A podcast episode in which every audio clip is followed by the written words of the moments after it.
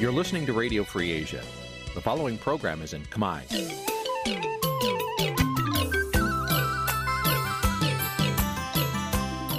Nǐ chi càm bi tiệp xáy vệt chiu a zì sê ray នេះជាកម្មវិធីផ្សាយរបស់ Vithu Azisari ជាភាសាខ្មែរ វត្តឈូអាស៊ីសេរីសូមស្វាគមន៍លោកអ្នកនាងទាំងអស់ពីរដ្ឋធានី Washington នៃសហរដ្ឋអាមេរិក បាទប្រធានាទីវ៉ាស៊ីនតោនសម្បត្តិទីនសាការីយ៉ាសូមជម្រាបសួរលោកនាងកញ្ញាទាំងអស់ជាទីមេត្រីខ្ញុំបាទសូមជូនកម្មវិធីផ្សាយសម្រាប់ព្រឹកថ្ងៃអង្គារ600ខែមករាឆ្នាំថោះបញ្ញស័កពុទ្ធសករាជ2567ត្រូវនៅថ្ងៃទី2ខែមករាគ្រិស្តសករាជ2024បាទសួស្តីឆ្នាំថ្មីឆ្នាំសកល2024បាទសូមឆ្នាំថ្មីនាំមកនៅជោគជ័យថ្មីសិរីសួស្តីវិបុលសុខគ្រប់ប្រការ បាទជាដំបូងនេះសូមអញ្ជើញលោកនាងកញ្ញាស្ដាប់ព័ត៌មានប្រចាំថ្ងៃដែលមានមេត្តាដូចតទៅ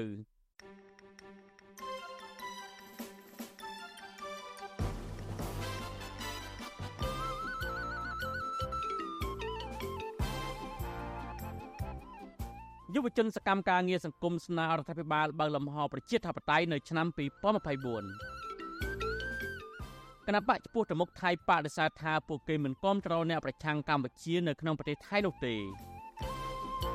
មន្ត្រីបកប្រឆាំងថាលោកហ៊ុនម៉ាណែតកំណត់ទិវាសន្តិភាពដើម្បីប្រយោជន៍តកូលហ៊ុនជនជាតិដើមភាគតិចជាង200គ្រួសារនៅខេត្តក្រចេះតវ៉ារឿងអាញាធរដល់ហូតដីពួកគាត់រួមនឹងព័ត៌មានសំខាន់សំខាន់មួយចំនួនទៀត។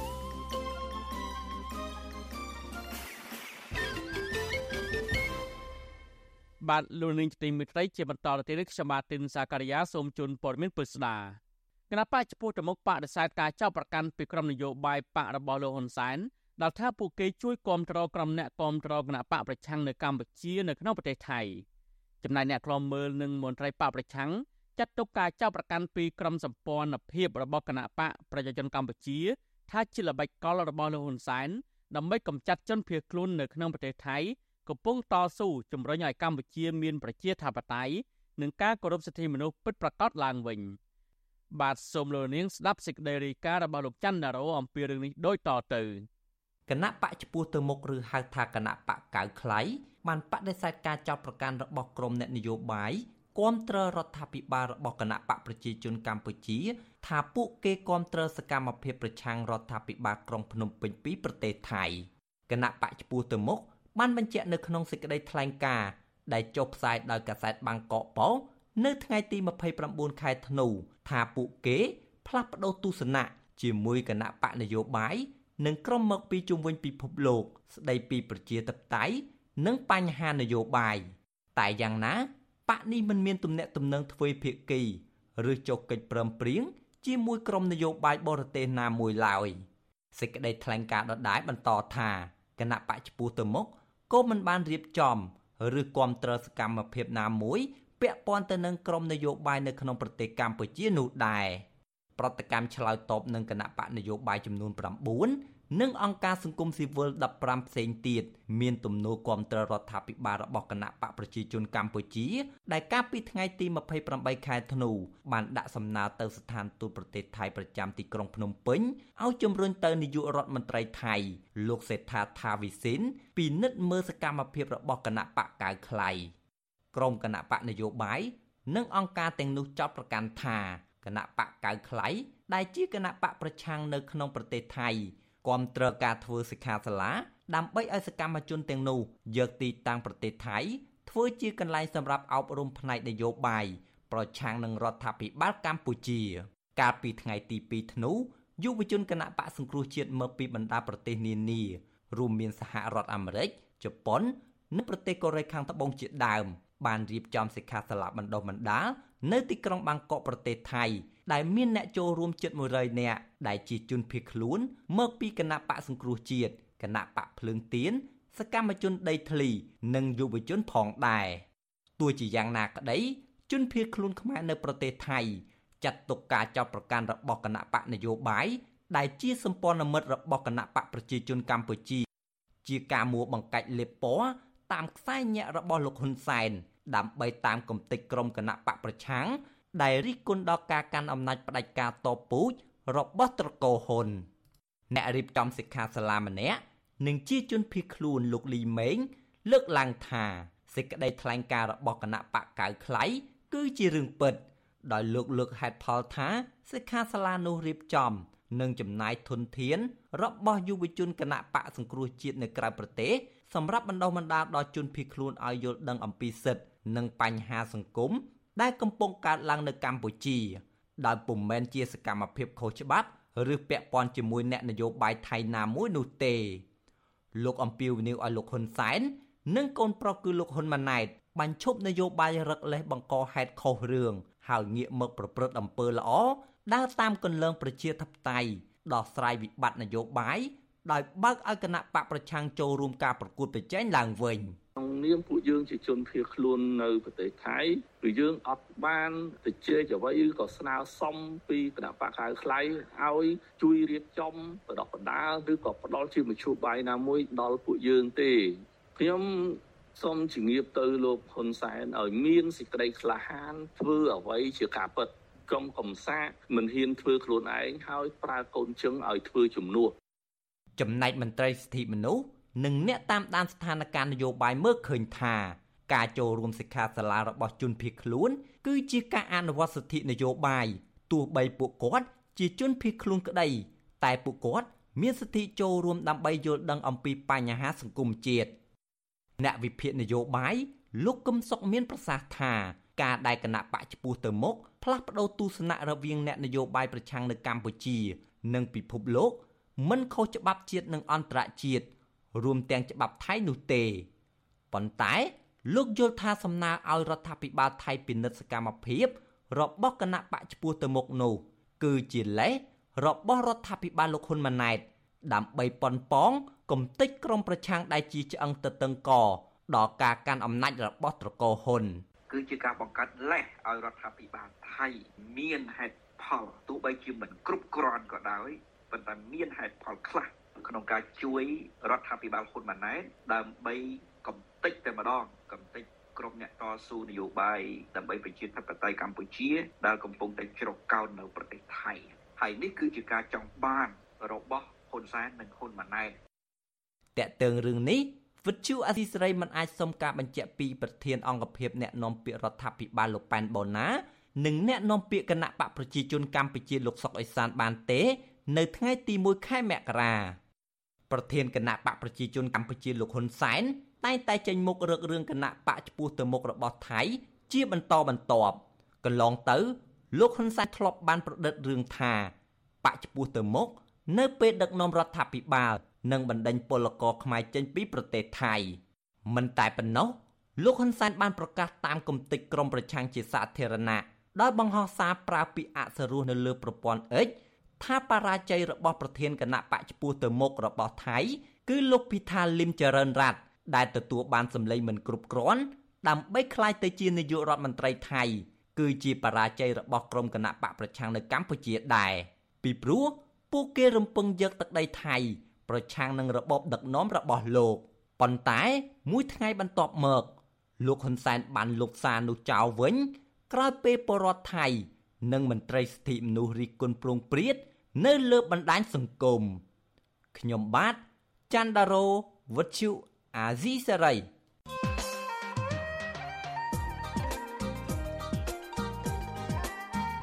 បាឡូណានីងកញ្ញាប្រិមម្នាក់ស្ដាប់ជាទីមេត្រីព្រែកជីកហ្វូណនដេជោប្រវែង180គីឡូម៉ែត្រឆ្លងកាត់ខេត្តចំនួន4នោះគឺជាគម្រោងសាងសង់ហេដ្ឋារចនាសម្ព័ន្ធផ្លូវទឹកខ្នាតយក្សមិនធ្លាប់មានពីមុនមកនៅកម្ពុជា តាំងពីក្រោយសម័យអង្គរ គម្រោងដែលគ្រោងចំណាយទឹកប្រាក់ប្រមាណ1700លានដុល្លារអាមេរិកនេះនឹងធ្វើឲ្យកម្ពុជា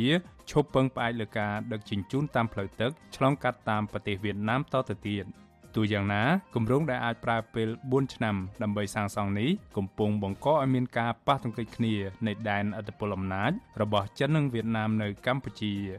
កម្ពុជាបានអនុញ្ញាតឲ្យក្រុមហ៊ុនចិនសិក្សាពីគម្រោងសាងសង់នេះខណៈវៀតណាមឯណោះវិញលើកឡើងពីកង្វល់របស់ខ្លួន តើអ្វីទៅជាដំណោះស្រាយល្អសម្រាប់ការសាងសង់ព្រែកជីកហ្វូណនដាជូនេះនៅចំពោះមុខការប៉ះទង្គិចដែនឥទ្ធិពលអំណាចរវាងវៀតណាមនិងចិននេះបាទនេះគឺជាប្រធានបទដែលយើងនឹងលើកយកមកពិភាក្សានៅក្នុងនេតិវេទិកាអ្នកស្ដាប់ Visual Asia ស្រីនៅយប់ថ្ងៃអង្គារទី2ខែមករានេះ លោកអ្នកនាងអាចបញ្ចេញមតិយោបល់ឬសួរសំណួរដោយដាក់លេខទូរស័ព្ទរបស់លោកអ្នកនាងនៅក្នុងប្រអប់ខ្ទង់ comment នៃការផ្សាយផ្ទាល់របស់ Visual Asia ស្រីនៅលើបណ្ដាញសង្គម Facebook YouTube និង Telegram ក្រុមការងាររបស់យើងនឹងតាក់ទងទៅលោកអ្នកនាង បាទសូមអរគុណ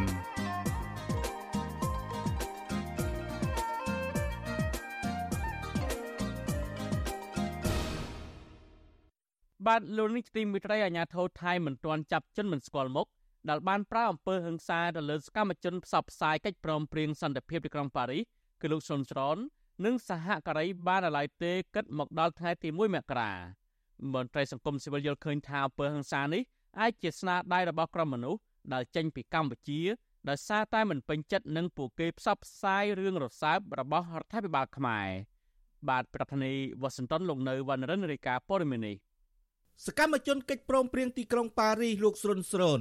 និងសហការីនៅតែបង្រៀនកិច្ចព្រមព្រៀងទីក្រុងប៉ារីស23តុលាឆ្នាំ1991និងច្បាប់នានាដល់ពលករខ្មែរនៅក្នុងខេត្តសមុទ្រប្រការជាប់ទីក្រុងបាងកកដដែលនៅព្រឹកថ្ងៃទី1ខែមករា សហការីដែលជាសកម្មជនកិច្ចព្រមព្រៀងសន្តិភាពទីក្រុងប៉ារីកញ្ញាភឹងសោភាប្រាប់វិទ្យុអាស៊ីសេរីនៅថ្ងៃទី1ខែមករាថាសមត្ថកិច្ចថៃនៅតែបន្តស្រាវជ្រាវចាប់ជនមិនស្គាល់មុខ3នាក់ដែលព្រួតវាយកញ្ញានិងលោកស្រុនស្រូនក្នុងថ្ងៃផ្សព្វផ្សាយកិច្ចព្រមព្រៀងសន្តិភាពទីក្រុងប៉ារីនៅប្រទេសថៃកាលពីរសៀលថ្ងៃទី31ធ្នូកញ្ញាបន្ថែមថាសមត្ថកិច្ចថៃមិនបានហាមឃាត់ពួកកញ្ញានោះទេផ្ទុយទៅវិញ បានបញ្ជូនប៉ូលីសមកការពារដល់ការអប់រំក្រុមការងាររបស់កញ្ញាទៀតផងបើក្នុងចិត្តរបស់ពួកខ្ញុំអត់ដែលគិតថាពួកខ្ញុំមានសត្រូវពីណាទេអញ្ចឹងខ្ញុំមិនដឹងថាតើអ្នកដែលគាត់មានបំណងសម្លុតទឹកចិត្តជាជាងសម្លុតលើរូបរាងកាយណាបងព្រោះបើតាមតែទំហំមិនសមមិញបើគាត់អាចសម្លាប់គាត់អាចសម្លាប់បានយ៉ាងងាយព្រោះពួកខ្ញុំឈរនៅទីសាធារណៈអញ្ចឹងខ្ញុំគិតថាប្រហែលគ្រាន់តែទៅជាប្រភេទសកម្មភាពចង់សម្លុតចិត្តយើងច្រើនជាងមិនឲ្យពួកយើងរៀនច្បាប់មិនឲ្យពួកយើងបានជួបពលករជួបកម្មករនៅសុកសៀបកាលពីរសៀលថ្ងៃទី31ធ្នូមានជនមិនស្គាល់មុខ3នាក់ បានព្រួតវាយលោកស្រុនស្រូននិងកញ្ញាភឹងសោភា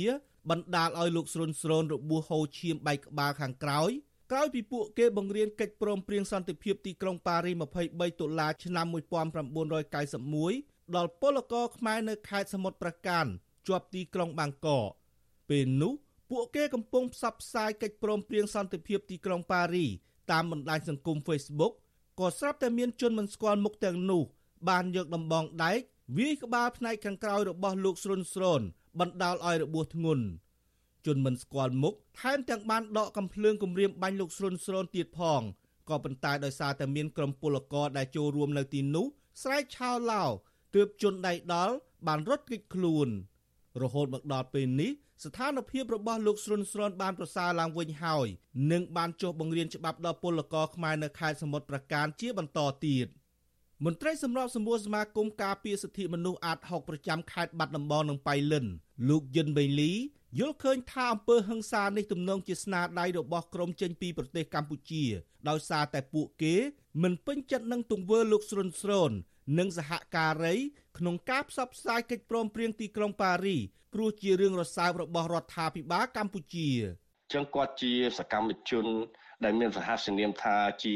សកម្មជនកិច្ចព្រមព្រៀងសន្តិភាពទីក្រុងប៉ារីសគាត់តែងតែយកកិច្ចព្រមព្រៀងទីក្រុងប៉ារីសទៅធ្វើការបញ្យលដល់ប្រជាប្រដ្ឋខ្មែរធ្វើការបញ្យលដល់អ្នកប្រជាធិបតេយ្យអញ្ចឹងគេមិនអាចធ្វើទៅលើមនុស្សច្រើនទេអញ្ចឹងគេគិតថាអ្នកណាជាអ្នកដឹកនាំអ្នកណាជាអ្នកធ្វើការផ្សព្វផ្សាយទៅលើកិច្ចព្រមព្រៀងទីក្រុងប៉ារីសហ្នឹងអញ្ចឹងគេធ្វើតែអ្នកដែលលេចធ្លោតែពី3នាក់អញ្ចឹងវាអាចធ្វើឲ្យអ្នកផ្សេងផ្សេងទៀតមានការព្រួយបារម្ភហើយបាទ វិទ្យុអាស៊ីសេរីមិនអាចតាក់ទងស្ថានទូតខ្មែរប្រចាំប្រទេសថៃ និងអគ្គស្នងការនគរបាលជាតិលោកសថេតដើម្បីសាកសួរជុំវិញបញ្ហាហិង្សានេះបាននៅឡើយនោះទេ នៅថ្ងៃទី1ខែមករាក៏ប៉ុន្តែអ្នកនាំពាក្យគណៈបកកណ្ដាលអំណាចលោកសុកអេសានប្រាប់វិទ្យុអាស៊ីសេរីថារដ្ឋាភិបាលក្រោមការដឹកនាំរបស់គណៈបកប្រជាជនកម្ពុជាគឺមិនបានបញ្ជូនមនុស្សទៅធ្វើបាបដល់លោកស្រុនស្រនឬប្រជាពលរដ្ឋណាម្នាក់នោះទេ ចំពោះរាជរដ្ឋាភិបាលគណៈបកប្រជាជនមិនដែលយកកិច្ចព្រមព្រៀងប៉ារីសនេះជាក្បាំងសត្រូវទេហើយពីព្រោះស្មារតីកិច្ចព្រមព្រៀងប៉ារីទាំងអស់ត្រូវបញ្ចូលទៅក្នុងរដ្ឋធម្មនុញ្ញហើយដែលរាជរដ្ឋាភិបាលកំពុងនឹងបានកំពុងនឹងអនុវត្តជាប្រចាំថ្ងៃរួចទៅហើយដូច្នេះមានរឿងអីថាចោទថារាជរដ្ឋាភិបាលជាខ្មាំងសត្រូវជាមួយកិច្ចព្រមព្រៀងទីក្រុងប៉ារីសទោះជាយ៉ាងនេះក្តីមន្ត្រីអង្គការសង្គមស៊ីវិលនៅតែមើលឃើញថាសកម្មជនផ្សព្វផ្សាយកិច្ចព្រមព្រៀងទីក្រុងប៉ារីរូបនេះ ជាឆ្អឹងទៅតឹងករបស់រដ្ឋាភិបាលកម្ពុជា ដោយពុំមែនជាសត្រូវរបស់រដ្ឋាភិបាលថៃនោះទេ លោកយិនវៃលី ស្នើឲ្យរដ្ឋាភិបាលខ្មែរអន្តរាគមទៅអាជ្ញាធរថៃ ស្រាវជ្រាវចាប់ជនបង្កទាំងនោះមកផ្ដន់ទាទោសឲ្យបានធ្ងន់ធ្ងរតាមច្បាប់ ដើម្បីឲ្យសាធារណជនអស់មន្ទិលសង្ស័យលើរឿងនេះលោកស្រុនស្រុននិងសហការីបានចុះទៅបង្រៀនកិច្ចព្រមព្រៀងសន្តិភាពទីក្រុងប៉ារី និងច្បាប់នានាដល់ពលករ និងជនភៀសខ្លួនខ្មែរនៅប្រទេសថៃកាលពីថ្ងៃទី28ធ្នូឆ្នាំ2023ដល់ថ្ងៃទី2មករាឆ្នាំ2024កញ្ញាភឹងសោភាឲ្យដឹងថាការបង្រៀននេះដើម្បីអប់រំការយល់ដឹងពីច្បាប់និងកិច្ចព្រមព្រៀងសន្តិភាពទីក្រុងប៉ារីដល់ពលករខ្មែរនៅក្រៅប្រទេសឲ្យចេះការពារប្រទេសជាតិនិងហ៊ានប្តឹងតវ៉ាប្រឆាំងនឹងការរំលោភសិទ្ធិមនុស្សនិងច្បាប់ការងារពីសំណាក់ថៅកែ កាលពីថ្ងៃទី29ធ្នូសមត្ថកិច្ចថៃបានឃាត់ខ្លួនជនភៀសខ្លួនខ្មែរចំនួន10នាក់ដែលបានសិក្សាស្វែងយល់ច្បាប់ជាមួយលោកស្រូនស្រូនក៏ប៉ុន្តែក្រោយមកអាជ្ញាធរថៃ បានដោះលែង3នាក់វិញក្នុងចំណោមអ្នកត្រូវបានដោះលែងទាំងនោះមានកុមារីដែលមិនទាន់គ្រប់អាយុជាមួយម្ដាយនិងពលករម្នាក់ចំណែកជនភៀសខ្លួនខ្មែរ7នាក់ទៀត ត្រូវបានអាជ្ញាធរថៃបន្តឃុំខ្លួននៅមន្ទីរឃុំឃាំងនៃប៉ូលីសអន្តោប្រវេសន៍នៅក្នុងក្រុងបាងកកខ្ញុំបាទនៅវណ្ណរិន With Chu Azizi Saray ពីរដ្ឋធានី Washington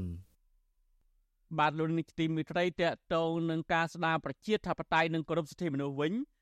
ក្រុមយុវជនសកម្មការងារសង្គមចង់ឃើញរដ្ឋាភិបាលបើកលំហសេរីភាពការងារសកម្មជនសិទ្ធិមនុស្សឡើងវិញ នៅក្នុងឆ្នាំ2024នេះ មន្ត្រីសង្គមស៊ីវិលថាយុវជនសមាជិកចូលរួមការងារសង្គមគឺជាយុវជនគំរូដូច្នេះពួកគេគួរតែទទួលបានការលើកទឹកចិត្តពីរដ្ឋាភិបាលជាជាងទទួលបានការគម្រិតកំហែងនិងចាប់ចងយុវជនដាក់ពន្ធនាគារតើក្រុមយុវជនបានប្រឈមនឹងការគម្រិតកំហែងអ្វីខ្លះពីអាជ្ញាធរនៅពេលចូលរួមការងារសង្គមកាលពីឆ្នាំ2023តើពួកគេមានគណរំពឹងអ្វីខ្លះពីរដ្ឋាភិបាល នៅក្នុងឆ្នាំថ្មីឆ្នាំ2024នេះ បាទសូមលោកនាងរងចាំស្ដាប់សេចក្តីរាយការណ៍នេះពឹស្ដានាពេលបន្តិចនេះបាទសូមអរគុណ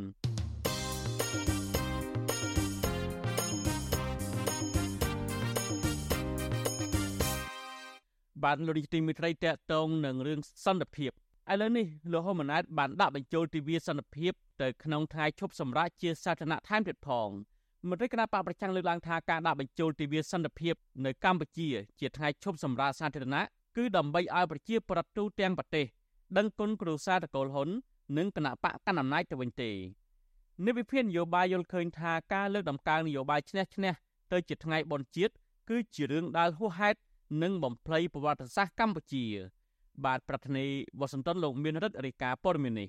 មន្ត្រីគណៈបពប្រឆាំងថាការកំណត់យកទិវាសន្តិភាពនៅកម្ពុជា ជាថ្ងៃឈប់សម្រាកសាធារណៈគឺជាការធ្វើនយោបាយបែបប្រជាពិធឲ្យពលរដ្ឋខ្មែរដឹងគុណគណៈបកកណ្ដាលអំណាចដែលកំពុងបំផ្លាញលទ្ធិប្រជាធិបតេយ្យនៅកម្ពុជា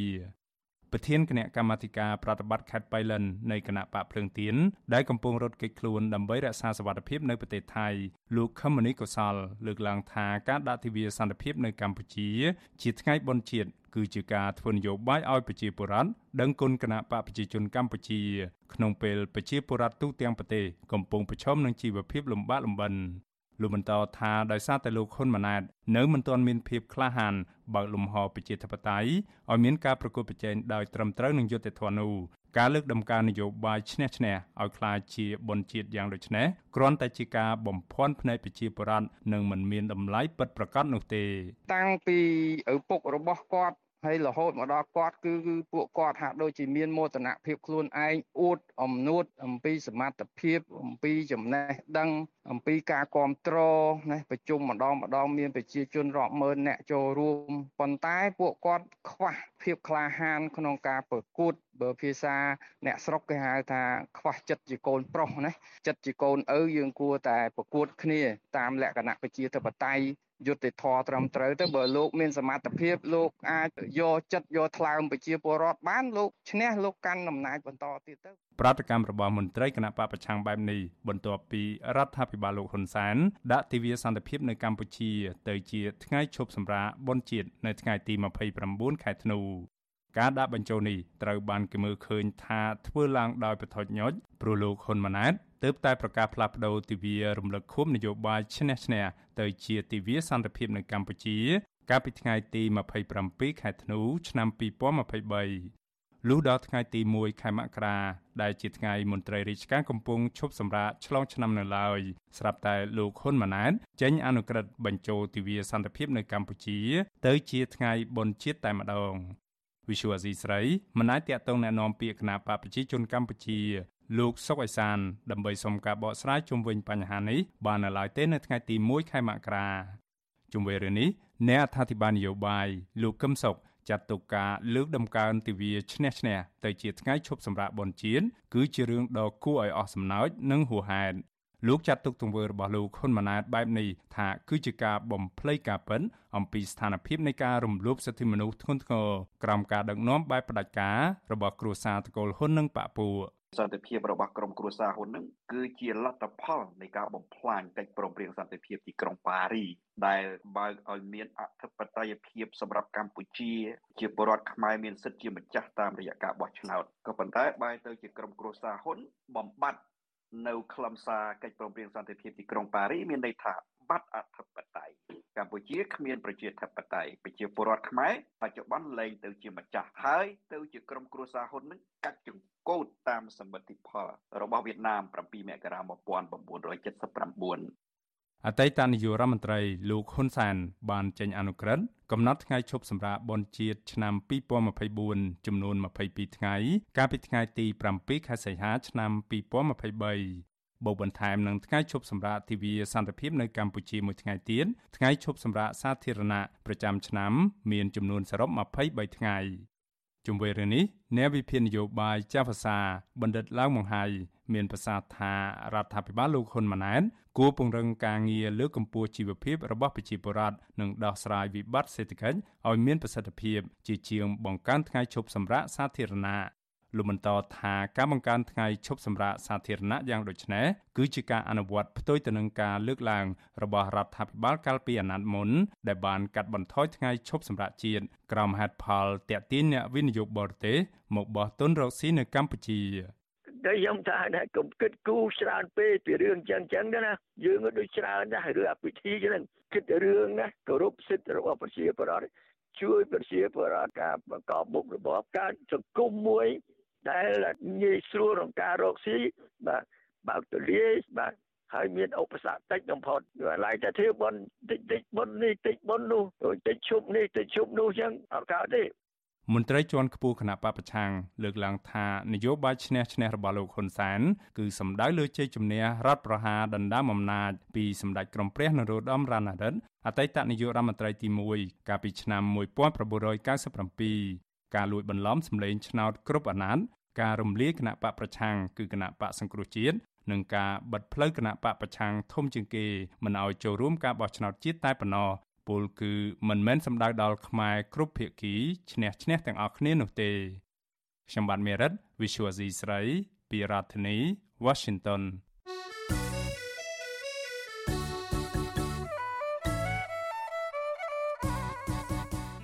បាទលោកនាងជាទីមេត្រីកម្មវិធីផ្សាយរបស់វិទ្យុអាស៊ីសេរីផ្សាយដំណើរគ្នាតាមរលកធាតុអាកាសខ្លីឬ Shortwave ដូចតទៅនេះពេលព្រឹកចាប់ពីម៉ោង5កន្លះដល់ម៉ោង6កន្លះតាមរយៈប៉ុស SW 93.90 MHz ស្មើនឹងកម្ពស់ 32m និងប៉ុស SW 11.85 MHz ស្មើនឹងកម្ពស់ 25m ពេលយប់ចាប់ពីម៉ោង7កន្លះដល់ម៉ោង8កន្លះតាមរយៈប៉ុស SW 93.30 MHz ស្មើនឹងកម្ពស់ 32m ប៉ុស SW 11.88 MHz ស្មើនឹងកម្ពស់ 25m និងប៉ុស SW 15.15 MHz ស្មើនឹងកម្ពស់ 20m បាទសូមអរគុណ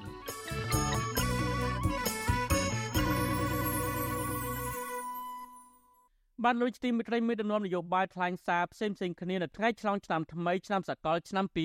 2024លោកនាយរដ្ឋមន្ត្រីហ៊ុនម៉ាណែតផ្ញើសារជូនពរបរដ្ឋខ្មែរឲ្យមានសុខភាពល្អសេចក្តីសុខសុភមង្គល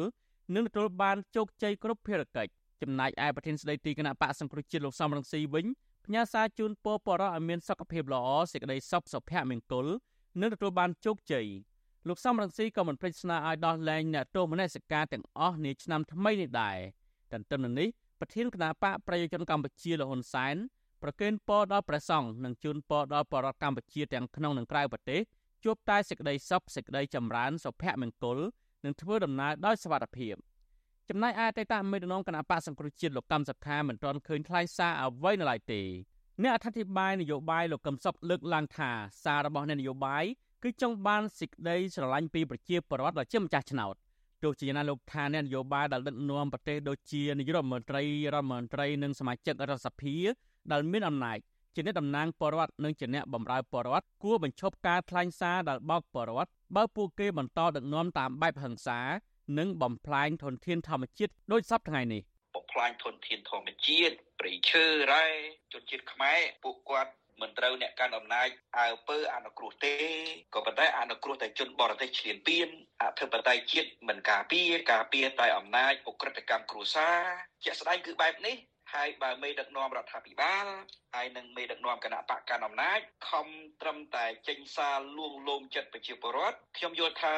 សារនោះមានខ្លឹមសារកាន់តែល្អមានន័យថាបោកប្រជាពលរដ្ឋកាន់តែខ្លាំងពីព្រោះខ្លឹមសារសារវាផ្ទុយស្រឡះពីជីវិតប្រជាពលរដ្ឋនិងជាតិជាក់ស្ដែងបរិវត្តនឹងវិភាគតែតែចង់ឃើញនយោបាយប្រទេសកម្ពុជាងាកមកចាប់ដៃគ្នាដើម្បីកសាងប្រទេសកម្ពុជាឲ្យមានលទ្ធិប្រជាធិបតេយ្យគោរពសិទ្ធិមនុស្សនិងអភិវឌ្ឍ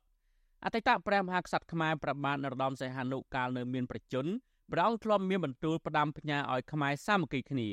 ដោយព្រះអង្គបញ្យល់ថាខ្មែរសាមគ្គីគ្នាប្រែថាខ្លាំង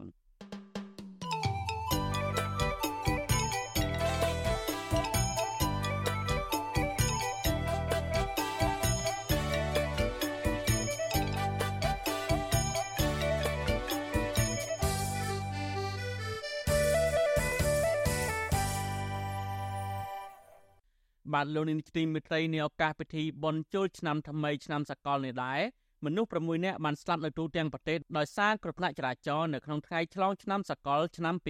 2024អគ្គស្នងការដ្ឋាននគរបាលរាជធានីភ្នំពេញឲ្យដឹងនៅថ្ងៃទី1មករាឆ្នាំ2024ដែលផ្សាយនៅលើទំព័រ Facebook ផ្លូវការថាក្នុងឱកាសបុណ្យឆ្លងឆ្នាំថ្មីឆ្នាំសកល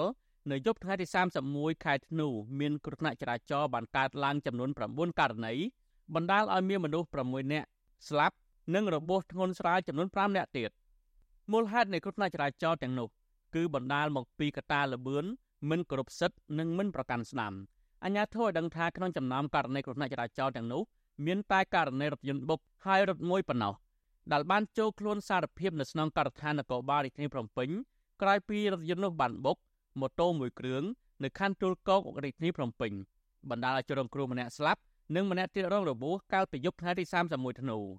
អញ្ញាធិក៏អំពាវនាវដល់អ្នកបើកបរគ្រោះថ្នាក់ចរាចរណ៍ដែលបានរត់គេចខ្លួនពីកន្លែងកើតហេតុឲ្យចូលខ្លួនសារភាពដោយករណីគ្រោះថ្នាក់ចរាចរណ៍នៅខណ្ឌទួលគោកដែរដើម្បីឲ្យអាជ្ញាធរអនុវត្តតាមនីតិវិធីច្បាប់ប្រជាពលរដ្ឋនិងមន្ត្រីសង្គមស៊ីវិលជំរុញដល់រដ្ឋាភិបាលឲ្យរឹតបន្តឹងការអនុវត្តច្បាប់ចរាចរណ៍ឲ្យបានម៉ឺងម៉ាត់និងមិនលើកលែងដល់ជនណាទាំងអស់ទោះជាជនបង្កនិងអ្នកពាក់ព័ន្ធមានលុយមានអំណាចក៏ដោយ ដើម្បីស្កសាងទំនុកចិត្តពីបរដ្ឋចំពោះការដឹកនាំរបស់រដ្ឋាភិបាល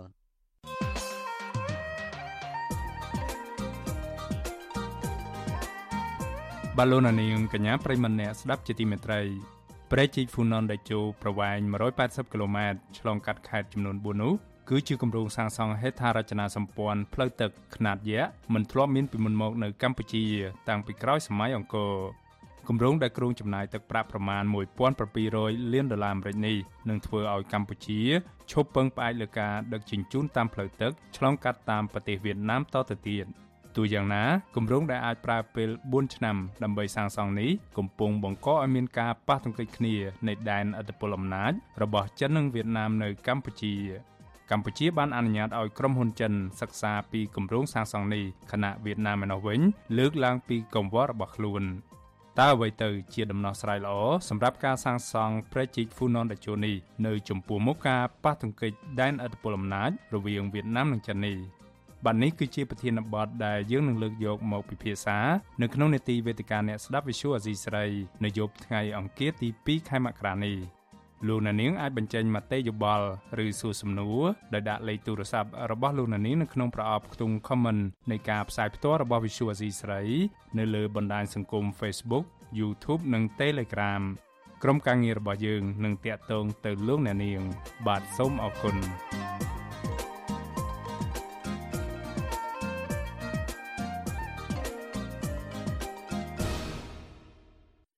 បានលុននេះទីមេត្រីនៅខណៈដែលបរដ្ឋខ្មែរ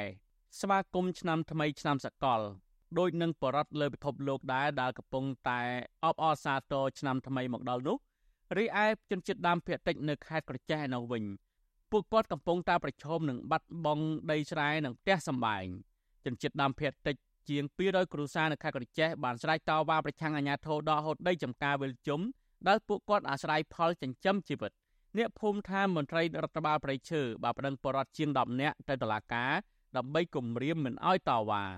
បាទប្រធានាធិបតីវ៉ាស៊ីនតោននៃស្រីសុជីវីរីកាព័រមាននេះពលរដ្ឋទាំងនោះភ ieck ច្រើនជាជនជាតិដើមភ ieck តិចក្រោលនិងជនជាតិដើមភ ieck តិចមិលរស់នៅឃុំស្រែជីនិងឃុំរលួសមានជ័យស្រុកអូក្រៀងសានជ័យខេត្តក្រចេះពួកគាត់កំពុងកាត់ទុកមិនសុខចិត្តករណីអាញាធរគ្រងដកហូតដីចំការវិលជុំ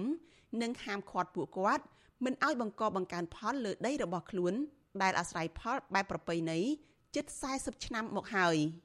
ជនជាតិដើមភាគតិចរស់នៅភូមិរលួសឃុំរលួសមានជ័យលោកខុនគុនថ្លែងនៅក្នុងពេលតវ៉ាថា ដីចំការរបស់អ្នកភូមិដែលអាជ្ញាធរគ្រងដកហូតមានទំហំសរុបជាង100ហិកតា ដែលពួកលោកបានដាំដុះនិងអាស្រ័យផលជាបន្តបន្ទាប់តាំងពីឆ្នាំ1986ដោយធ្វើចំការវិលជុំចិញ្ចឹមជីវិត លោកថាមន្ត្រីរដ្ឋបាលព្រៃឈើបានហាមឃាត់អ្នកភូមិមិនឲ្យអាស្រ័យផលនៅលើដីរបស់ខ្លួន ហើយគ្រោងនឹងដកហូតដីទាំងនោះទុកជាតំបន់អភិរក្សសហគមន៍ព្រៃរលួសដីនោះដីខ្ញុំធ្វើតាំងពីឆ្នាំ1186ដីនោះអត់ធ្វើលោទេតាមមីនុមេកោដីនោះឥឡូវនេះគាត់ដាក់មកដាក់ដីសហគមន៍នេះតបនេះជិះរត់បានដោយតាធ្វើកាលពីថ្ងៃទី29ខែធ្នូជនជាតិដើមភាគតិចក្រោលនិងជនជាតិមិលជាង200នាក់ រស់នៅឃុំស្រែជីនិងឃុំរលួសមានជ័យបានលើកគ្នាទៅតវ៉ានៅសាលាខេត្តក្រចេះដើម្បីឲ្យអាជ្ញាធរខេត្តនេះដោះស្រាយករណីនេះក៏ប៉ុន្តែនៅពេលធ្វើដំណើរទៅដល់ពាក់កណ្ដាលផ្លូវត្រូវបានអាជ្ញាធរស្រុកហាមឃាត់ពួកគាត់មិនឲ្យបន្តដំណើរទៅមុខទៀតដោយលើកហេតុផលថាអាជ្ញាធរនឹងដោះស្រាយជូនពលរដ្ឋនៅពេលបន់ឆ្លងឆ្នាំសកលរួចក្នុងអំឡុងខែមករានេះអ្នកភូមិអះអាងថាមន្ត្រីរដ្ឋបាលព្រៃឈើខេត្តក្រចេះ មិនត្រឹមតែគម្រាមដកហូតដីចំការវិលជុំរបស់ពួកគាត់ទេថែមទាំងប្តឹងអ្នកភូមិ13នាក់ទៅតុលាការដោយចោទប្រកាន់ពីបទកាប់រៀនព្រៃឈូសឆាយដីព្រៃអត់មកទៅទៅតែការធ្វើទៅទៅមកឲ្យគេជួយអត់មានទៅទៅឆ្លោះទេគាត់កសាងក្នុងព្រឹងនៅតុលាការឆ្លើយតបការលើកឡើងនេះអភិបាលស្រុកអូក្រៀងសែនជ័យលោកឈៀផាលីប្រាប់វិទ្យុអាស៊ីសេរីនៅថ្ងៃទី1ខែមករាថាអញ្ញាធរមិនបានដកហូតដីដែលពលរដ្ឋអាស្រ័យផលទេ គ្រាន់តែមន្ត្រីជំនាញចុះទៅស្រង់ស្ថិតិចំនួនពលរដ្ឋដែលអាស្រ័យផលជាក់ស្ដែងនៅក្នុងតំបន់សហគមន៍ព្រៃឈើយ៉ាងគាត់ពួកគាត់តែបង្ងាយបន្ថែមដូចខ្ញុំដូចគាត់ប្រមាស្រ័យផលដីដែលគាត់មានស្រាប់តែគាត់បង្ងាយបន្ថែមអញ្ចឹងវាឲ្យបងប្អូនប្រជាពលរដ្ឋខ្លះចេះនាំគ្នាចូលទៅព្រៀនបន្ថែមទៀតអញ្ចឹងគាត់បើទៅគេគ្រប់គ្រងដីសហគមន៍ហ្នឹងគាត់ព្យាយាមដើម្បីទប់ស្កាត់ណាខ្ញុំមកក្រុមការងារខ្ញុំចុះទៅដើម្បីពយល់ណែនាំគាត់ហើយគាត់នៅស្ងៀមសិនទៅចាំមើលក្រុមការងារស្រុកគេសម្របសម្រួលដល់ស្រ័យឲ្យហើយ ជុំវិញការលើកឡើងនេះមន្ត្រីសម្របសម្រួលសមាគមអាត6ខេត្តក្រចេះលោកយុនអៀមសង្កេតឃើញថាជីវភាពជនជាតិដើមភាគតិចពឹងផ្អែកលើចំការវិលជុំចិញ្ចឹមជីវិតបែបប្រពៃណីក៏ប៉ុន្តែអាជ្ញាធរបានហាមឃាត់ពួកគាត់មិនឲ្យកាន់កាប់ដីធ្លីបន្តទៀតដែលធ្វើឲ្យអ្នកភូមិមិនសប្បាយចិត្ត ហើយការតវ៉ាទាមទាររបស់គាត់នឹងគឺគាត់ចង់បានតែដីរបស់ពួកគាត់មកវិញទេដើម្បីកាន់កាប់និងអាស្រ័យផលបង្កបង្កើនផលដើម្បីចិញ្ចឹមជីវិតនិងគ្រួសាររបស់គាត់ជនជាតិគាត់រស់នៅគឺធ្វើចំការវិលជុំហើយឥឡូវនេះវាត្រូវបានអាជ្ញាធរហាមឃាត់មិនឲ្យពួកគាត់អាស្រ័យផលទៅលើដីពួកគាត់ដែលកាន់កាប់តាំងពីដូនពីដូនពីតាគាត់មកពលរដ្ឋព្រមានថាប្រសិនបើអាជ្ញាធរមិនពន្លឿនដោះស្រាយបញ្ហានេះជូនពលរដ្ឋដោយការសន្យាទេ ពួកគាត់នឹងលើកគ្នាតវ៉ាទ្រង់ទ្រីធំនៅសាលាខេត្តក្រចេះពួកគាត់បន្ថែមថាដីដែលអាជ្ញាធរគ្រងដកហូត ជាប្រភពសេដ្ឋកិច្ចនិងជាកន្លែងប្រតិបត្តិជំនឿវប្បធម៌របស់ជនជាតិដើមភាគតិចប្រសិនបើអាជ្ញាធរដកហូតដាក់ជារបស់រដ្ឋនិងប៉ះពាល់ជីវភាពពួកគាត់ធ្ងន់ធ្ងរនាងខ្ញុំសុជីវីវិទ្យុអាស៊ីសេរីពីរដ្ឋធានី Washington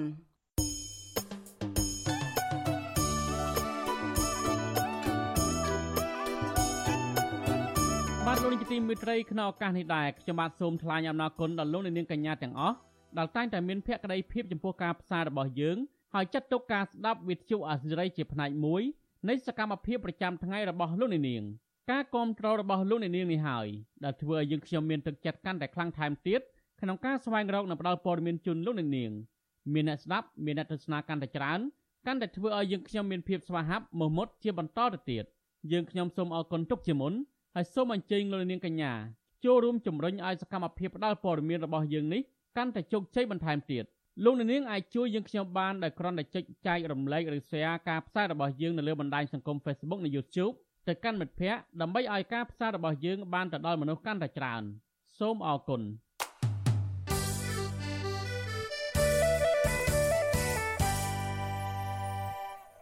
បានលោកនេះទីមួយត្រីនៃឱកាសឆ្នាំថ្មីឆ្នាំ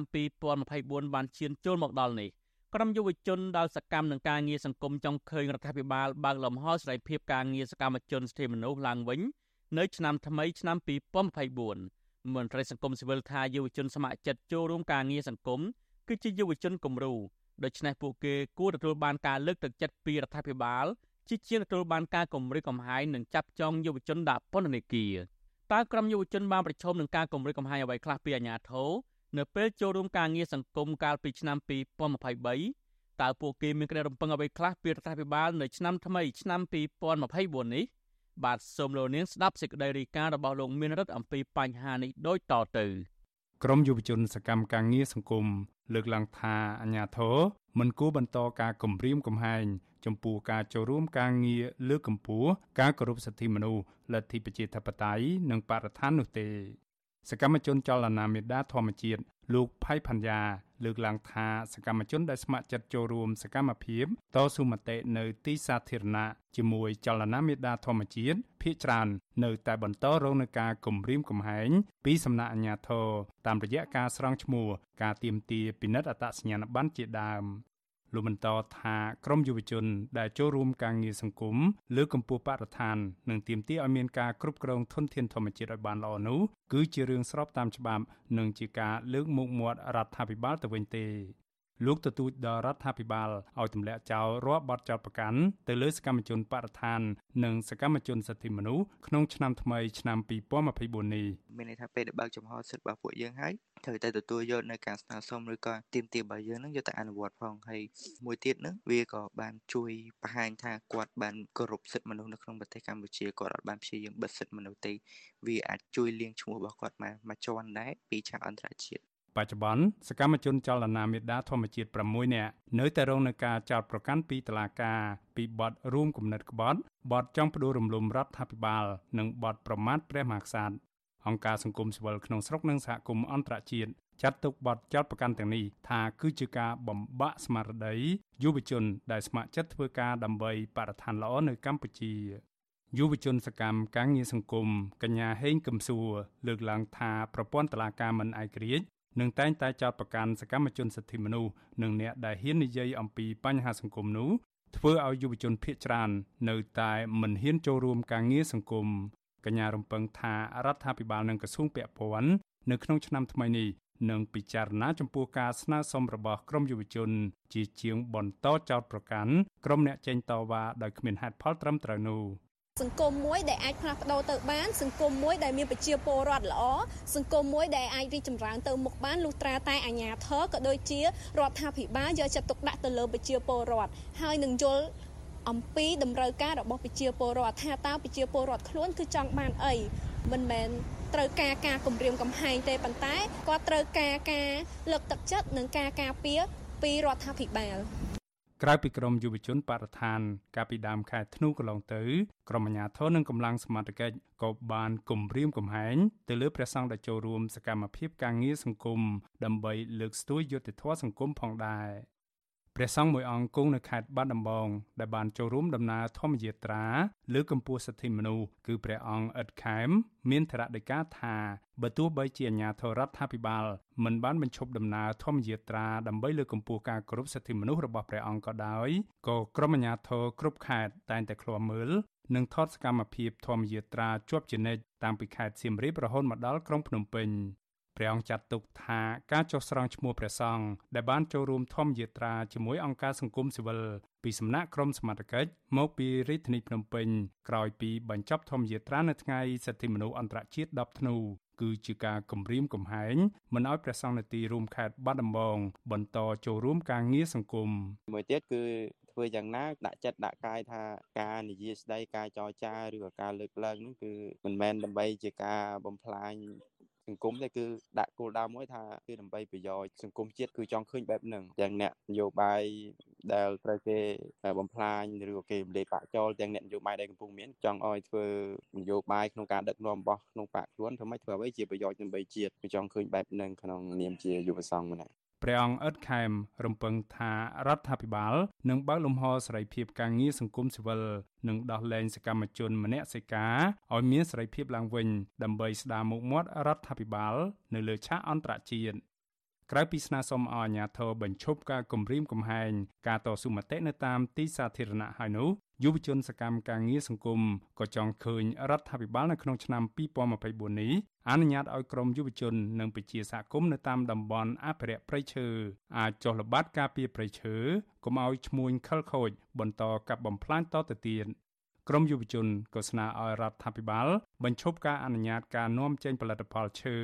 និងផ្ដោតដីតំបន់ឧស្សាហជាតិឲ្យបុគ្គលឯកជន ធ្វើជាកម្មសិទ្ធិតទៅទៀតដែរឆ្លើយតបចំពោះការលើកឡើងទាំងនេះអ្នកនាំពាក្យគណៈបកប្រជាជនកម្ពុជា លោកសុកអេសានអះអាងថាតាមរយៈការអនុវត្តគោលនយោបាយបញ្ចកោណដំណាក់កាលទី1របស់រដ្ឋាភិបាលគណៈបកប្រជាជនកម្ពុជា មានផែនការជាក់លាក់ដើម្បីលើកកម្ពស់លទ្ធិប្រជាធិបតេយ្យនិងការគោរពសិទ្ធិមនុស្សនៅឆ្នាំ2024 ទោះជាយ៉ាងណាលោកអះអាងថាការមានវិធានការផ្លូវច្បាប់ទៅលើសកម្មជនសិទ្ធិមនុស្សកាលពីពេលកន្លងទៅ គឺជាការលើកកម្ពស់ការអនុវត្តច្បាប់តែប៉ុណ្ណោះការទៀមទានេះវាផ្ទុយអំពីបរិបទនៅកម្ពុជាហើយរាជរដ្ឋាភិបាលកម្ពុជាអត់មានចោទប្រកាន់នរណាដែលផ្ទុយអំពីគោលការណ៍ច្បាប់ទេចំពោះអ្នកណាដែលប្រព្រឹត្តល្មើសច្បាប់អានឹងត្រូវទទួលខុសត្រូវចំពោះមុខច្បាប់ដោយខ្លួនឯងបាទមាត្រា35នៃរដ្ឋធម្មនុញ្ញកម្ពុជាចែងថា ប្រជាពលរដ្ឋខ្មែរទាំងពីរភេទមានសិទ្ធិចូលរួមយ៉ាងសកម្មក្នុងជីវភាពនយោបាយសេដ្ឋកិច្ចសង្គមគិច្ចនិងវប្បធម៌របស់ប្រទេសជាតិសេចក្តីស្នើទាំងឡាយរបស់ប្រជាពលរដ្ឋត្រូវបានទទួលការពិនិត្យនិងដោះស្រាយយ៉ាងម៉ត់ចត់ពីអង្គការរដ្ឋជុំវិញរឿងនេះអ្នកនាំពាក្យសមាគមការពារសិទ្ធិមនុស្សអាត់ហុកលោកសឹងសានករណា មានប្រសាសន៍ថារដ្ឋាភិបាល គួរចាត់ទុកសកម្មជនសិទ្ធិមនុស្សនិងសកម្មជនបរិស្ថាន ជាដៃគូអភិវឌ្ឍ ជាជាងបន្តការគម្រាមកំហែងទៅលើពួកគេគណៈលោកថាសកម្មជនទាំងនេះបានលះបង់កម្លាំងកាយចិត្តដើម្បីផលប្រយោជន៍សង្គមជាតិលោកបន្តថាបើសិនរដ្ឋាភិបាលបើកលំហប្រជាធិបតេយ្យនោះមិនត្រឹមតែអាចធ្វើឲ្យរដ្ឋាភិបាល មានកេរ្តិ៍ឈ្មោះល្អនៅលើឆាកអន្តរជាតិឡើងវិញប៉ុណ្ណោះទេតែថែមទាំងអាចធ្វើឲ្យសេដ្ឋកិច្ចជាតិនិងជីវភាពរបស់ប្រជាពលរដ្ឋទូទៅបានល្អប្រសើរឡើងវិញទៀតផង មិនមែនការលើកនឹងទៅបានផលប្រយោជន៍ប្រទេសគេទេគឺបានមកប្រជាពលរដ្ឋកម្ពុជា បានមកមុខមាត់រដ្ឋាភិបាលនឹងឯងអញ្ចឹងខ្ញុំយល់ថាវាជារឿងគួរតែចាប់ផ្ដើមធ្វើនៅឆ្នាំបន្ទាប់នឹងហើយព្រោះនាយករដ្ឋមន្ត្រីថ្មីដែលម្នាក់ម្នាក់កំពុងរំពឹងថានឹងមានអ្វីដែលថ្មីដើម្បីជាគុណប្រយោជន៍មកដល់ប្រទេសជាតិណាមកដល់សង្គមជាតិយើងទាំងមូលហើយបើសិនជាមិនមានលទ្ធផលនឹងទេអ្វីអ្វីគេអាចសន្និដ្ឋានទៅនឹងរឿងរ៉ាវដែលជាអតីតកាលដដែលដដែលទេគ្មានអីប្រែប្រួលទេក្រមយុវជនសកម្មការងារសង្គមទទូចឲ្យរដ្ឋាភិបាលលោកហ៊ុនម៉ាណែតពិចារណារាល់សេចក្តីស្នើសុំរបស់ពួកគេខាងលើនេះខ្ញុំបានមេរិត Visual Asia ស្រីពីរដ្ឋធានី Washington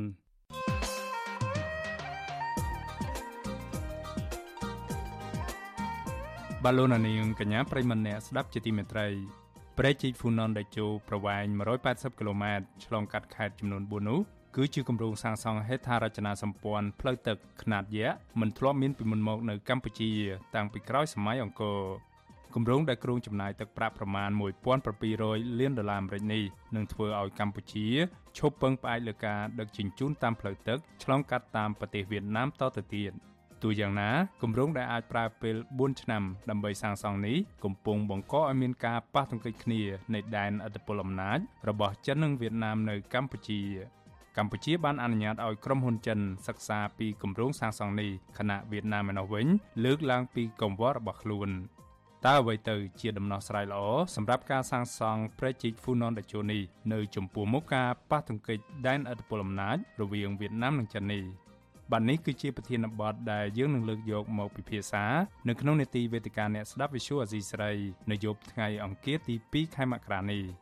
លោកអ្នកនាងអាចបញ្ចេញមតិយោបល់ឬសួរសំណួរដោយដាក់លេខទូរស័ព្ទរបស់លោកអ្នកនាងនៅក្នុងប្រអប់ខ្ទង់ comment នៃការផ្សាយផ្ទាល់របស់ Visual Asia ស្រីនៅលើបណ្ដាញសង្គម Facebook YouTube និង Telegram ក្រុមការងាររបស់យើងនឹងតាក់ទងទៅលោកអ្នកនាង បាទសូមអរគុណ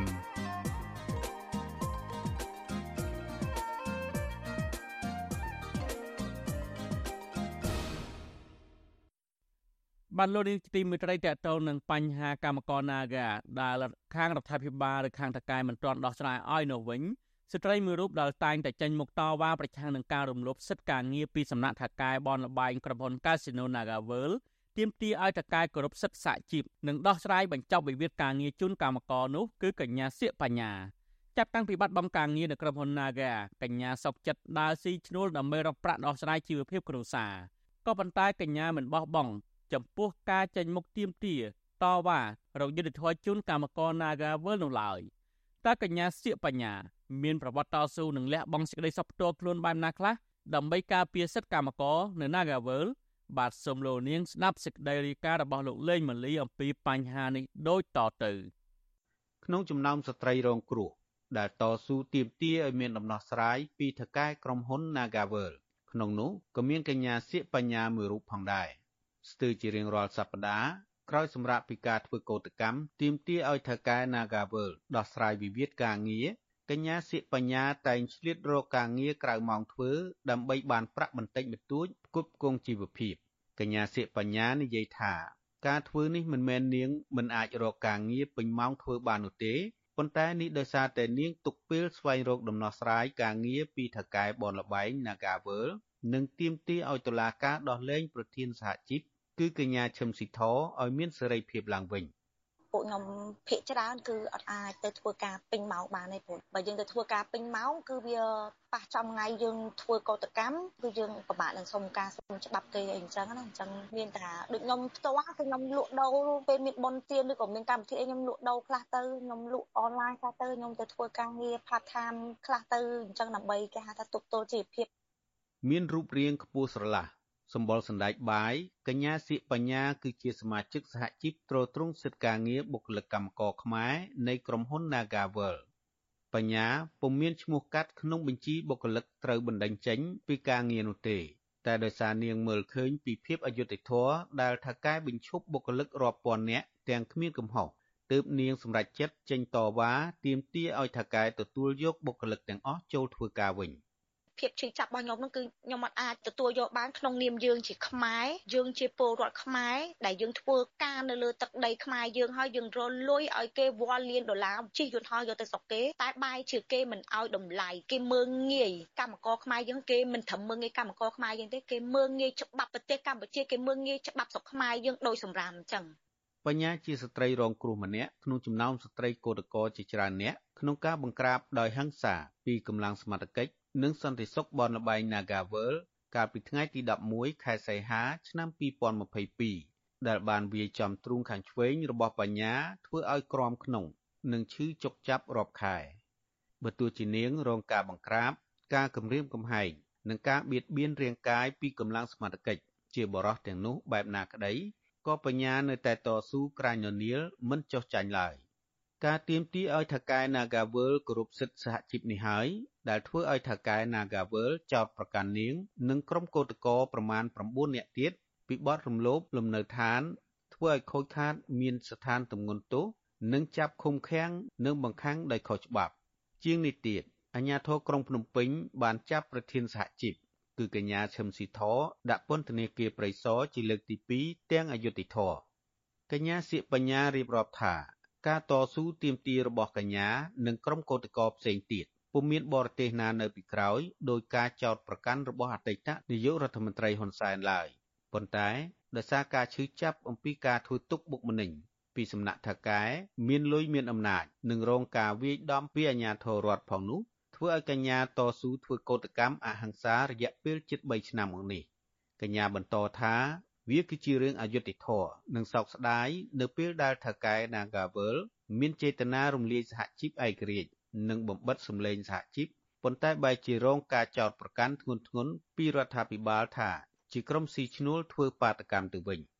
ពួកនឹងវាស៊ីឈ្នួលគេហ្នឹងបានវាមានលុយបានវាអាចតវ៉ាមិនទល់រាល់ថ្ងៃហ្នឹងពាក់ព័ន្ធត្រង់ចំណុចមួយហ្នឹងខ្ញុំចង់បញ្ជាក់ថាខ្ញុំអត់មានឈ្មោះការទេតែមូលហេតុដែលខ្ញុំបោះបង់ប្រាក់ខែខ្ញុំចោលរាប់ឆ្នាំដើម្បីចេញមកតវ៉ា ទី1ដោយសារតាខ្ញុំធ្វើការខ្ញុំអត់អាចអត់មានវត្តមានសហជីពឯករាជ្យ LOSU បានទេនៅក្នុងក្រុមហ៊ុន Nagawer ព្រោះដោយសារតាសហជីពឯករាជ្យគឺគាត់តែងតែការពារអត្ថប្រយោជន៍ឲ្យកម្មករខ្មែរការកឹបកេងកម្លាំងពលកម្មការរំលោភបំពានសិទ្ធិ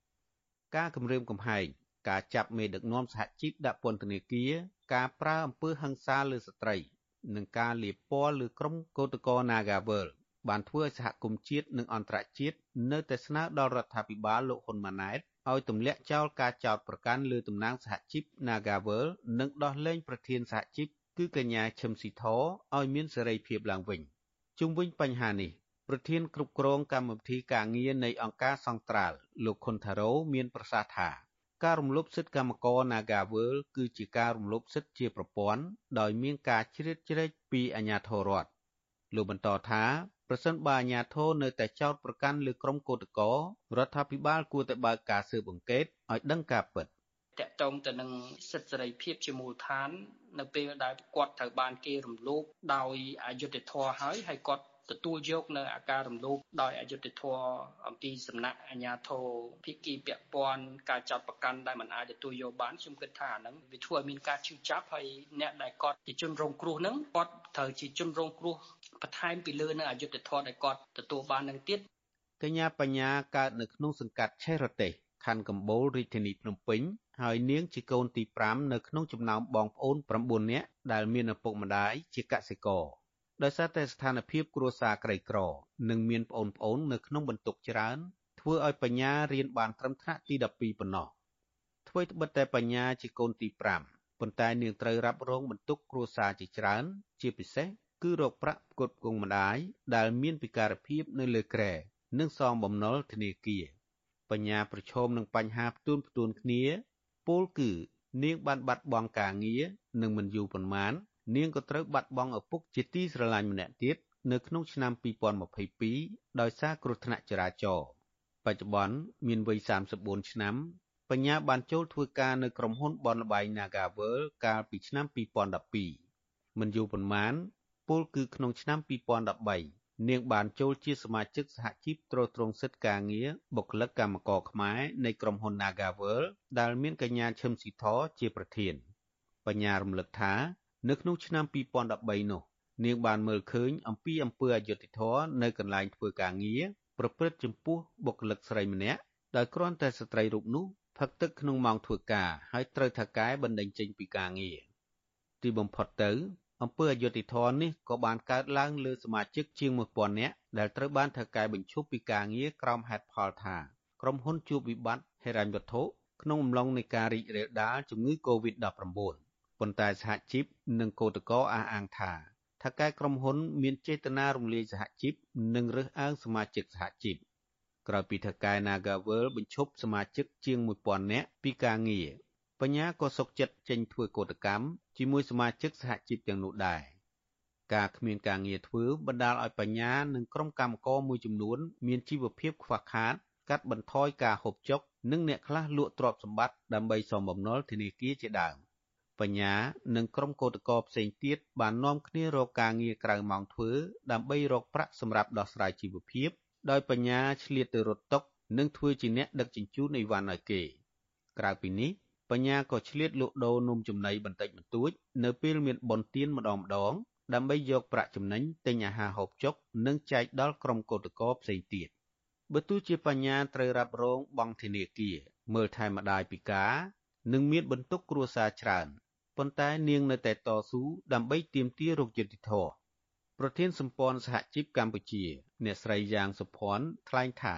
អ្នកស្រីកោតសរសើរចំពោះការលះបង់សេចក្តីសុខផ្ទាល់ខ្លួនរបស់កញ្ញាសៀកបញ្ញាបើទោះជារងនៅភាពអយុត្តិធម៌ប៉ុន្តែបញ្ញានៅតែជំនះដើម្បីទាមទាររកយុត្តិធម៌ អាញាធរត្រូវតែធ្វើការដោះស្រាយជូនគាត់គឺចេះរោងការងារហ្នឹងឯងអញ្ចឹងណាព្រោះធម្មតាអាញាធរគឺជាឪពុកម្ដាយនៃប្រជាពលរដ្ឋទូទៅហើយបើសិនណាយើងនាំគ្នាឈរអត់ដៃមើលហើយវាស្មើនឹងយើងការនិយាយទៅវាស្មើនឹងយើងគ្រប់គ្រងទៅក្រុមវិនិយោគទុនដែលកំពុងតែឈររំលោភទៅលើសិទ្ធិរបស់កម្មករយុវជនរបស់យើងណា Nagavel ជាក្រុមហ៊ុនស្ថិតក្នុងចំណោមក្រុមហ៊ុនលំដាប់ពិភពលោកដែលរកប្រាក់ចំណេញបានច្រើនបំផុតក្រុមហ៊ុននេះមានមណ្ឌលកំសាន្តសន្តាគារនិងកាស៊ីណូឬបនលបែង ដែលទទួលបានអាជ្ញាប័ណ្ណរកស៊ីរយៈពេល70ឆ្នាំនៅកម្ពុជាអតីតថៅកែក្រុមហ៊ុន Nagavel លោកជេនលីបគង់ធ្លាប់មានទំនាក់ទំនងជិតស្និទ្ធជាមួយនឹងក្រុមគ្រួសាររបស់លោកហ៊ុនសែនតាមរយៈសារបែកធ្លាយកាលពីឆ្នាំ2017រដ្ឋាភិបាលលោកហ៊ុនម៉ាណែតបានស្នើសុំព្រះមហាក្សត្រតែងតាំងអតីតថៅកែក្រុមហ៊ុនបនលបែង Nagavel គឺលោកជេនលីបគង់ជាទីប្រឹក្សាកាលពីថ្ងៃទី26ខែសីហាឆ្នាំ2023 ប៉ុន្តែលោកបានស្លាប់កាលពីថ្ងៃទី8ធ្នូដោយសារជំងឺក្រោយមរណភាពនេះក្រុមប្រឹក្សាពិបាលនៃក្រុមហ៊ុន Nagacore ក៏បានតែងតាំងកូនប្រុសលោកជេនលីបគង់គឺលោកឈិនយីហ្វុងឲ្យឡើងកាន់តំណែងបន្តពីឪពុកទោះជាយ៉ាងណាក្តីកញ្ញាសៀកបញ្ញានៅតែប្រកាន់គោលជំហរទាមទាររកដំណោះស្រាយពីថៅកែក្រុមហ៊ុន Nagavel បើទោះជានាងរងការចោទប្រកាន់តាមផ្លូវតុលាការ ការធ្វើទុកបុកម្នេញនិងប្រឈមការជាប់ពន្ធនាគារក្តីបញ្ញាជំរុញដល់ពលរដ្ឋយុវជនដែលរងភាពអយុត្តិធម៌សង្គមឲ្យហ៊ានតស៊ូប្រឆាំងនឹងការរំលោភសិទ្ធិសេរីភាព និងសិទ្ធិការងារពីព្រោះកញ្ញាយល់ឃើញថាប្រសិនបើពលរដ្ឋទាំងអស់មិនតស៊ូទេនោះកូនចៅចំនួនក្រោយនឹងរងការរំលោភសិទ្ធិបន្តទៀតខ្ញុំបាទលេងម៉ាលីវិទ្យុអាស៊ីសេរី Washington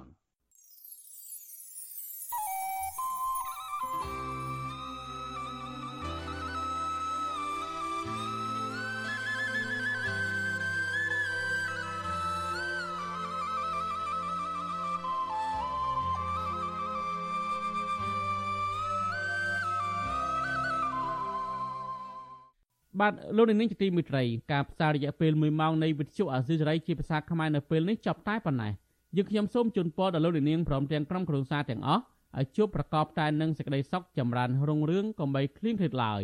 ខ្ញុំបាទទីនសាករិយាព្រមទាំងក្រុមការងារទាំងអស់នៃវិទ្យុអាស៊ីសេរីសូមអរគុណនិងសូមជម្រាបលា